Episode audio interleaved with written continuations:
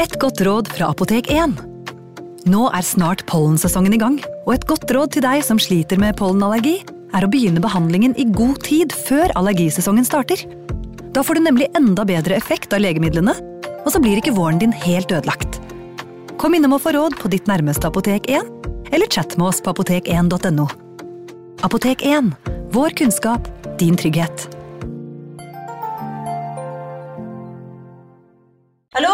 Jeg kommer fra Oslo politikammer. Ine Jansen er purk. Er du purk? The motherfucking bitch. Alt jeg vil, er å finne ut hva som skjedde med mannen min. Jon Carew. Er jeg sikta for noe? Iben Akeli. Det er du. Ole So, Lars Berrum og Big Daddy Karsten. Hvem sin side er du på, egentlig? Anette Hoff, Tone Danielsen, Kommer du fra Afrika? Jørnis Josef, Nesten. Kløfta. Trond Espen Seim, Det er synd å si det, men det var feil mann som døde. Purk. Premiere tirsdag på TV2 Play. Advarsel. I denne podkasten vil du høre historier basert på informasjon programlederne har funnet selv. Programlederne står ikke nødvendigvis inne for meninger og syn som fremstilles. Noen påstander kan avvike fra virkeligheten.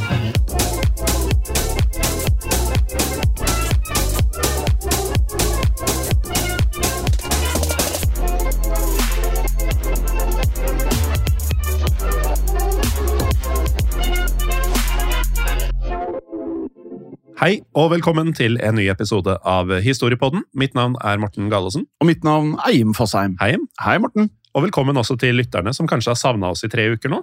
Ja, og det er det jo egentlig ingen grunn til å gjøre. Ikke fordi at man ikke skal savne oss hvis vi er borte, men vi er jo ikke borte. Vi er aldri borte, vi. Vi er, vi er på Untold hver eneste uke. Hver uke gjennom året. Ja, Og ikke bare i én podkast, men i tre podkaster hver eneste uke. For det er denne, Ja, Historiepodden WW2 Mm.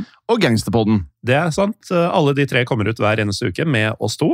Mhm. Eh, Og så er det jo også egne programserier inne i Untold med oss to som kommer eh, litt her og der. Og blant annet så har vi eh, en podkastserie som heter Ukrainas turbulente historie. Ja, Og vi har en som heter Samlingen av Japan, og vi kan røpe at vi er i gang med å lage en tredje serie i noenlunde samme tralt. Og det er mye som skjer der òg. Ja. Og det er også nærmere enn både Ukraina og Japan geografisk. Det er vel strengt tatt ikke mulig å komme noe særlig nærmere. Nei, det er jo ikke det. Eh, Så det er jo mange fordeler da, med å bruke Untold, og for Android-brukere som meg, så gjelder det å gå inn i Google Play Store, eh, skrive Untold, finne den rosa appen og laste den ned. Og er du IOS-bruker, akkurat sånn som jeg er da, så går du bare inn på AppStore, skriver Untold, og så blir det fort litt rosa. Du trykker 'last ned', og da er du egentlig i gang. Det er du. Og dersom du verken bruker Android eller IOS, eller bare ikke har lyst til å gå via de sjappene, så kan du bruke nettleseren din, skrive untold.app og få tilgang derfra. Og har du ikke gjort dette tidligere, så får du da første måneden helt gratis. Helt riktig, Jim. Men eh, til dagens episode. Eh, Vi har tidligere hatt en episode om Diogenes. Diogenes. Diogenes. Eh, Det var da en gresk filosof som bodde i en tønne, og som generelt oppførte seg som en, en grinebiter. Men vi likte han litt, gjorde vi ikke det? Vi liker folk som bor i tønner og er litt sånn grinebiterrette. Vi liker vel egentlig alt som er litt annerledes, virker det som. Ja, um, ja, omtrent. omtrent. Og i dag så skal vi da prate om en annen, ja, kan kalle han tenker da, Mm. som eh, skilte seg ut. For eh, i denne episoden da, så skal det handle om Jean-Jacques Rosan. Mm. Eh, mange tenker kanskje at dette var en fransk filosof, Ja, jeg ville tenkt det. men det var han ikke. Han var nemlig en sveitsisk filosof. Ja, men likevel så skulle han påvirke Frankrike kraftig etter sin død. Ja, det skulle han, for han ble da en eh, inspirasjonskilde da til den franske revolusjonen. Og dette låter imponerende. Det gjør det, Morten, men eh, i denne episoden så skal vi da ikke ta for oss eh, kanskje det klassiske som eh, man ville tatt for seg når det kommer til en filosof som Rousseau. For i tillegg da til å være en svært viktig historisk filosof, så var det også en helt annen side til livet til Rousseau. Ja, Og sånne ting liker vi å se på. Om vi gjør, Morten. Eh, Blant annet så skal vi da prate om eh, forskjellige ting som skjedde i barndommen hans, og også i ungdomstiden. Ja, Og det er gode grunner til at vi i dag skal fokusere mest på personligheten og privatlivet til Rousseau. For eh, som vi skal høre, så var det mye ved oppførselen til Rousseau som ikke var helt eh, Altså, det fulgte ikke helt normer og regler På ingen måte. for sosialisering på den tiden. Eh, For vi skal i dag innom alt fra urinering i tekanner til blotting. Vi kan jo da starte med å oppsummere da hvorfor han blir ansett som en svært viktig filosof. Ja, det kan vi gjøre, og da kan jeg starte med å si at Jean-Jacques Rousseau, eller Jean, som vi kommer til å kalle han fra nå av, han fikk gjennombruddet sitt med boka Discours sur le science et art. Altså diskurs om vitenskap og kunst. Ja, jeg, jeg vurderer å bare kalle han Rosan. Ja. Jean eller du- ja. Vet, du hva vi sier også? Ja, vi sier Jean. Ja, ja, vi kan gjøre det sånn. Og ut ifra den tittelen du nettopp da så elegant uttalte, Ja, takk, takk. ja, vær så god, så kan det da tenkes at lytterne skjønner eh, så da at Rousseau hadde flere forskjellige interesser. Ja, og det kommer også til å bli tydelig etter hvert, men med det sagt så ble denne boka utgitt i 1750, og i tida som fulgte så fikk boka det som beskrives som stor oppmerksomhet, og det bidro til at Rousseau han fikk en plass blant datidens ledende tenkere. Om andre ord da, Morten, så ble verkene til Rousseau da publisert og lest gjennom eh, større deler av datidens Europa. Det er helt riktig, og Rousseau han skrev flere verker, men her kommer vi bare til å nevne de aller viktigste delene av filosofiene hans, og da kommer vi ikke utenom det Rousseau kalte for volonté générale. Volonté générale! Ja, og heldigvis har vi et norsk ord for det, Jim. Eh, Allmennviljen. Og dette var et eh, konsept som eh, Det er, det er ganske mye kjedeligere enn på fransk, eller? Ja. Det meste høres egentlig litt eh, penere og tyngre ut på fransk. Jeg skal faktisk da etter episoden huske på at det heter volonté générale. Ja, Det høres veldig bra ut når man sier det. ikke sant? I hvert fall veldig gøy. Men dette var uansett da et konsept som Rousseau lanserte i 1762, i et verk som het på norsk Om samfunnspakten. Og før vi går videre, så kan vi forklare hva begrepet allmennvilje, eller eh, volonté générale, innebærer. Eh, For dette er et begrep som fikk eh, stor historisk betydning. Kan ikke du ta et uh, lite utdrag, eh, Morten, gjerne fra SNL? Ja, det har vi gjort før. Ja, det har vi gjort før, og vi kommer til å gjøre det igjen. Nettopp. Um, her står det Allmennviljen, som Rousseau kaller volonté general, skiller seg fra alles vilje, volonté de tous. Oh. Alles vilje er summen av enkeltindividenes egoistisk motiverte viljer. Det er allmennviljen og ikke alles vilje som gir opphav til legitim maktutøvelse. Statsmakten skal derfor være et organ for og avhengig av allmennviljen. Denne læren fikk store konsekvenser for frigjøringskriger og revolusjoner på 1700- og 1800-tallet, blant annet arbeidet for et selvstendig Norge i 1814. Og som vi nevnte, Morten, så ble filosofien til Rousseau en stor inspirasjon for den franske revolusjonen. Mm. For under revolusjonen så ble noen av disse revolusjonslederne da inspirert av nettopp denne tanken om allmennviljen. Det er helt riktig, og som man skjønner ut fra dette utdraget fra Store norske leksikon, så har tanken om allmennviljen også inspirert arbeidet for et selvstendig Norge. Men med det sagt så skal vi ikke gå veldig tungt inn i den politiske filosofien til Rousseau, i hvert fall ikke i dag. Nei, men det blir nok en eh, egen episode, det også. Mm. Eh, Men som vi da nevnte, så er det andre deler av eh, livet til Rousseau som er eh, svært kuriøst. Ja, og da begynner vi fra begynnelsen av, og tar oss tilbake til den 28. juni 1712. For på denne dagen ble Jean-Jacques Rousseau født i den sveitsiske byen Genéve. Og der har jeg vært. Har du det? Har du? Nei, det er, ikke. Nei, det er dyrt. Ja, Ja. Men uh, pent? Eh, veldig pent og rent, Ja. eh, men eh, kanskje ikke sånn Jeg føler ikke at man må dit. Nei, det er ikke på bucketlist. Nei, Genéve er kanskje ikke på bucketlisten til alle, men jeg vet at eh, det er mange klokkeinteresserte som ønsker å dra til Genéve. Ja, og Sveits eh, generelt, kanskje. Ja, det er mye klokkeproduksjon der, og de er de beste i verden, Mm. angivelig. Eh, og faren til vår mann Rousseau, han het også Rousseau, nemlig Isak Rousseau. Ja. Og Isak, han var nettopp en klokkemaker. Nettopp. Og moren til vår Jean Rousseau, det var da Susanne Bernard. Men eh, da Susanne skulle føde Jean, så oppsto det komplikasjoner, for eh, ut fra det vi vet, så ble dette en veldig utfordrende fødsel. Og bare ni dager etter fødselen så døde Susanne av feber, noe som visstnok var en konsekvens av denne vanskelige fødselen. Helt riktig, og med det så måtte da faren til Jean, altså Isak Rousseau, oppdra Jean helt alene. Og som vi da skal høre, så um, gikk ikke dette helt optimalt. Det gjorde ikke det, men før vi kommer til hva som ikke gikk bra, så kan jeg nevne noe som da gikk bra, og det var at eh, Jean i ung alder begynte å lese bøker. For mens faren Isak lagde klokker, så skal Jean ha lest høyt for faren sin. Og for Jean så vekka denne lesinga derfor en livslang interesse i litteratur, noe som senere bidro til at Jean-Jacques Rousseau begynte å skrive egne bøker. Og det du nevner nå, da, Morten, det høres jo egentlig ganske positivt ut. Ja, det gjør jo det. Ja. Men uh, som du var inne på, så var det ikke alt ved oppveksten til uh, Jean-Jacques Rousseau som var positivt. For uh, etter hvert så konkluderte faren Isak med at han ikke kunne oppdra Jean på egen hånd. Og derfor så sendte han Jean vekk for å bo hos en prest, og denne presten han het monsieur Lambercier. Og nå fikk eh, monsieur Lambertier Lambercier ansvaret for å gi Jean-Jacques Rousseau en skikkelig utdannelse. Og denne presten, altså Lambertier, han hadde også en uh, søster, Morten. Mm. Og selv om vi ikke vet fornavnet til søsteren til Lambertier, så vet vi at hun var 30 år gammel. Mm. Og i tillegg så vet vi at Rousseau kalte henne mademoiselle Lambertier.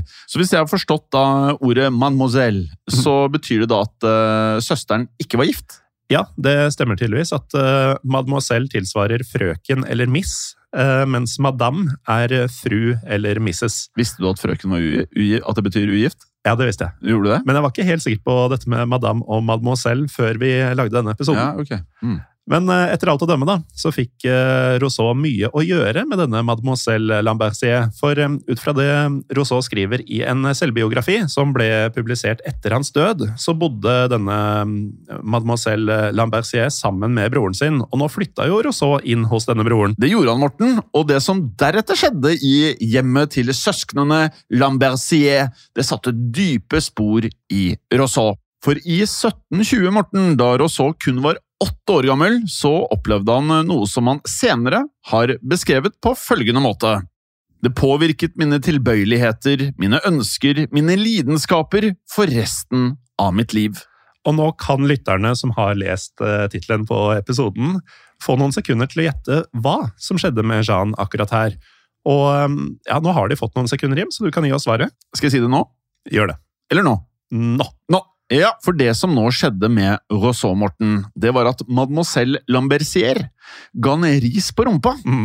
Så um, her må vi bare da anta at uh, Rousseau hadde gjort noe hun da ikke likte. Ja, men det er mye som tyder på at denne risen, eh, som da var tenkt som en straff, den fungerte ikke helt som planlagt, for i selvbiografien sin så skrev eh, Jean-Jacques Rousseau dette. Hun hadde ofte truet med det, og denne trusselen virket ekstremt forferdelig men jeg opplevde virkeligheten som mye mindre forferdelig enn tanken. Straffen økte min hengivenhet for mademoiselle Lambertier, og ved å begå nye forseelser søkte jeg tilbake til den samme straffen. For en viss grad av sensualitet hadde blandet seg med smerte og skam, som etterlot mer lyst enn frykt for en gjentagelse. Dette er ganske komplekst, Morten. Ja, å sette ord på følelsene og tankene man hadde som åtteåring i ettertid, på den måten, det er godt gjort. Men det det virker som, i hvert fall, er at eh, det går opp for mm. at han da likte å få ris. Ja, og ikke bare likte han det, Jim. Eh, det virker som at han elska å få ris, for eh, senere så skrev Rousseau følgende Mentir devant ou matresse, obéir à ses ordres et lo demander pardon. C'était pour moi Udo plaisir. Heldigvis, Jim, så har vi en norsk oversettelse av det du akkurat sa, og det er følgende Å ligge foran en herskerinne, adlyde hennes befalinger og be henne om tilgivelse, dette var for meg en søt nytelse. Ja, Og dette er ganske klar tale, eller? Det er krystallklart. I hvert fall på norsk, ja. så er det det. Og sånn vi da forstår dette her, så oppførte Rousseau seg derfor enda mer rampete. For på denne måten så kunne han da bli straffet langt oftere av mademoiselle Lambertier. Mm. Så kan vi jo da trekke frem noen eksempler på denne dårlige oppførselen som han da valgte å følge opp med. Ja, eh, I håp om å få ris. Um, og Nå har vi ikke noen håndfaste datoer som forteller oss når disse eksemplene skjedde, men eh, jeg kan nevne at uh, Rousseau ved en anledning skal ha urinert i tekanna til en av naboene. Og det er jo ganske uskikkelig. Ja, det er uskikkelig og litt skittent også. Ja, Da kan man få ris. Ja, og denne naboen det var visstnok en kvinne ved navn Madame Clot. Ja, og Rousseau han eh, beskrev Madame Clot som en av de sureste kvinnene jeg har møtt i hele mitt liv. Ja, men jeg skjønner jo også at hun blir sur når det er urin i tekanna. Ja, Man kan kanskje forstå det, noe som da muligens da forklarer på hvorfor han da ikke angret på at han da tisset i denne tekanna hennes. For å så, han hadde senere følgende å si om denne episoden. Minnet får meg fortsatt til å le. Så han likte dette godt. Ja, Det var bare vinn-vinn, dette her. Det er to fluer i en smekk. Ja, Han kunne plage den sure naboen og få ris eh, på rumpa. Bedre blir det ikke. Ja, og For oss eh, så virker det litt uklart eh, hvorvidt det ble oppdaga at eh, Rousseau hadde urinert i denne tekanna. Men eh, det som ble oppdaga, det var hvordan han på et tidspunkt eh, stjal et eh, silkebånd. Ja, for i en av artiklene vi har benyttet oss av, så har dette tyveriet blitt oppsummert ganske tydelig. Hør på dette. Rousseau stjal et silkebånd som tilhørte en kvinne ved navn Madame de Verzilly. Eh, Da han ble tatt med dette båndet på seg, la han skylden på en ung tjenestepike som het Marianne. Marianne fikk sparken. Ja, Så det viser seg at Rousseau, han, eh, selv om han likte å bli straffa, så var han ikke fremmed for å gi andre skylda for noe han selv hadde gjort. Nei, det var han ikke, men eh, i takt med årene som gikk, så ble Rousseau en tenåring. Og en naturlig tanke kunne kanskje vært at eh, han ble mer moden og mindre rampet etter hvert som han da nærmet seg 20-årene. Ja, men det var ikke helt tilfellet, Jim. Nei, det var det ikke, Morten, og dette hang da delvis sammen med at Rousseau han var svært glad i å få ris fremdeles. For eh, da han ble voksen, så skrev han eh, følgende om eh, straffen han fikk fra mademoiselle Lambertier. Jeg passerte puberteten uten å vite om noen andre sanselige nytelser enn de som mademoiselle Lambertier hadde gitt meg. Så det Rousseau mener her, da, Morten, Mm. det er da at tanken om å få denne risen var det eneste som gjorde han seksuelt opphisset. Ja, og som vi skal høre, så bidro dette til at eh, Rousseau han utviste svært upassende oppførsel i tiden som kom. Men Morten, Oui. Uh, oui, oui. eh, før vi prater mer om oppførselen til Rousseau, så kan vi jo da nevne at vi nå befinner oss et sted mellom 1722 og 1730. Mm.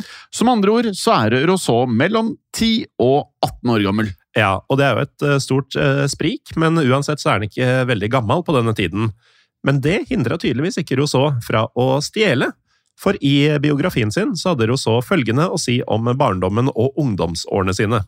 Jeg var grådig, jeg løy noen ganger, jeg stjal frukt og søtsaker, men jeg har aldri, bare for moro skyld, gjort skade, voldt andre problemer eller ertet dumme dyr. Og mange kan jo kanskje da stusse noe på hvorfor Rousseau da følte dette behovet for å påpeke at han ikke hadde ertet dumme eh, dyr. Ja, for eh, når man prøver å påpeke og poengtere noe man ikke har gjort, så virker det litt som om man prøver å skjule at man har gjort det, for det får det egentlig til å høres ut som at han da hadde drevet med en form for dyreplageri. Og vi nevnte tidligere, Morten, dette ordet blotting. Ja.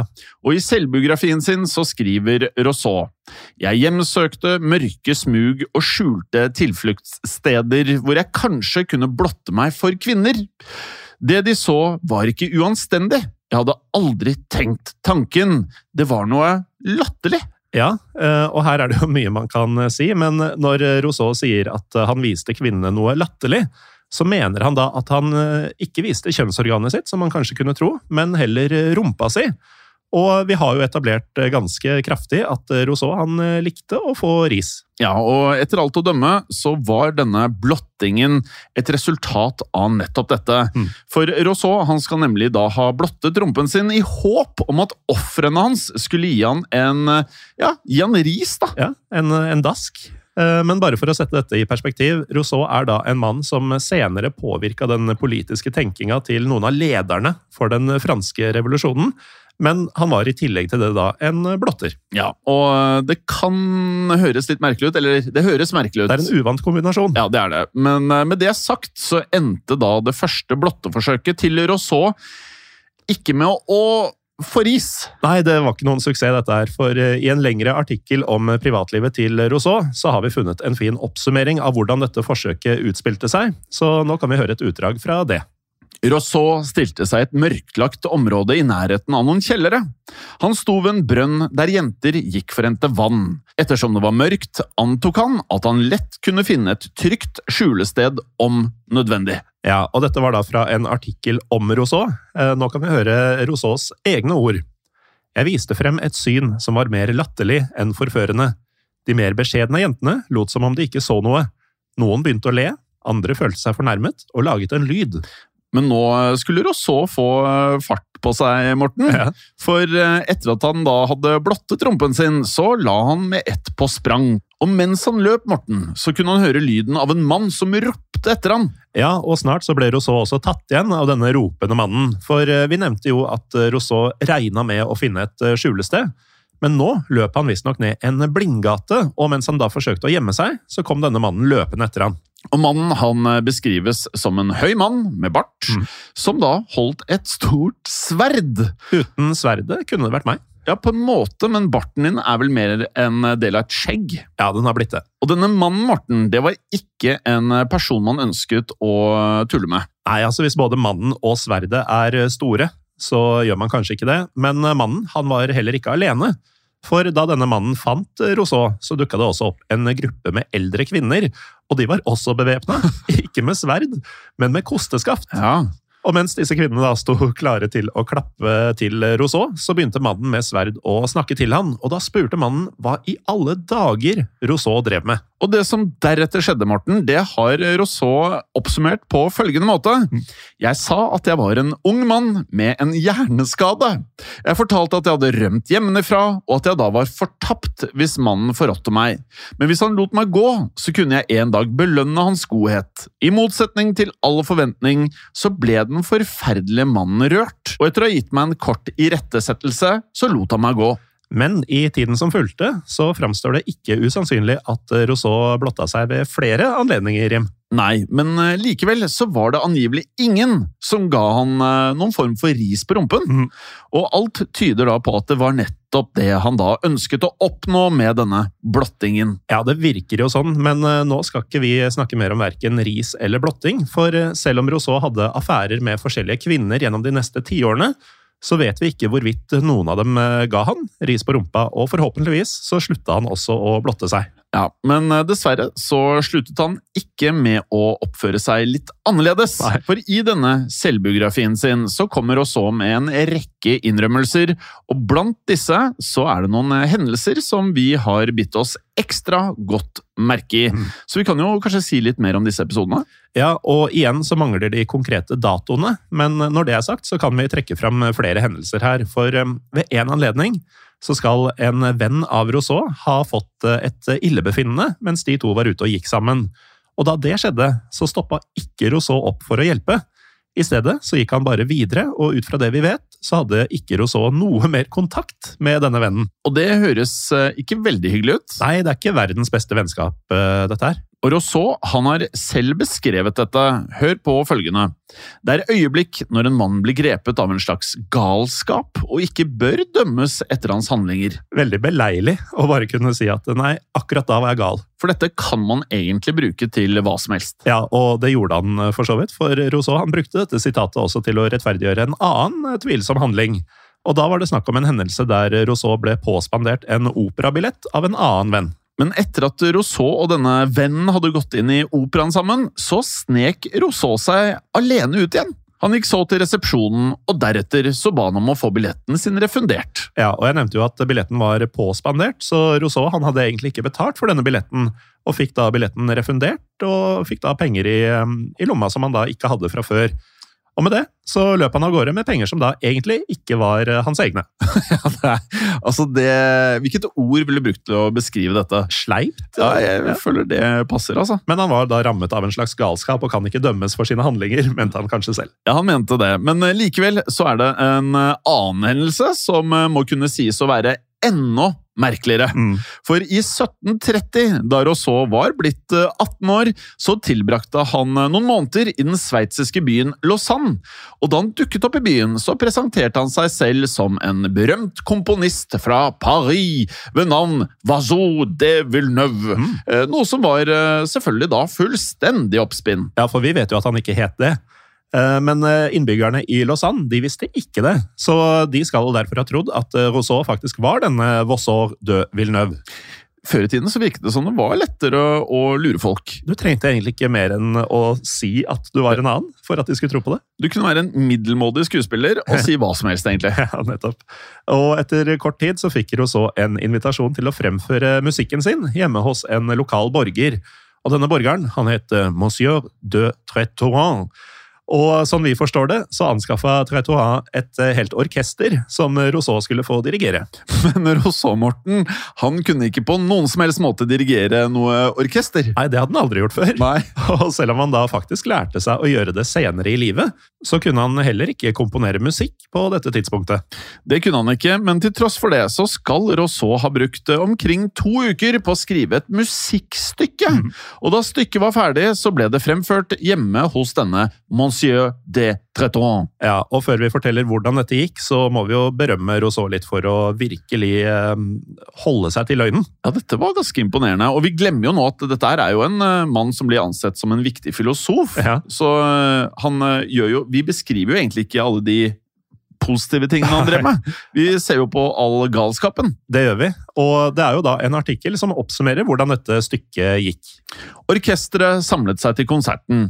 Rousseau fungerte som dirigent og signaliserte at musikken skulle begynne. Aldri siden de første dagene av fransk opera Aldri i hele verden har en slik ulyd blitt hørt. Og det var det da Rousseau som eh, skrev om sin egen forestilling. At det var forferdelig og ikke nok med det. Alle i salen begynte å le. Ja, altså Tenk deg for en uh, situasjon det er i. De tror at det er en uh, parisisk berømt komponist og musiker som har kommet. Uh, de har sikkert pynta seg og bygd seg opp for en sann høytid for sansene. Og så er det bare spetakkel og galskap, og folk ler og uffer seg. Men det kan kanskje gi like Ja, det kan være like gøy, det. Ja, det virker jo sånn, ja. hvis det stemmer at alle lo. Eh, vi vet ikke nøyaktig hva som skjedde deretter, men vi kan trygt anta at eh, innbyggerne i Lausanne ikke lot seg imponere av eh, musikkferdighetene, i hvert fall til Rousseau, eller komponistferdighetene for den saks skyld. For um, ifølge noen beskrivelser så ble Rousseau nå latterliggjort gjennom hele byen. Men Morten, det er én ting til vi må prate om, mm.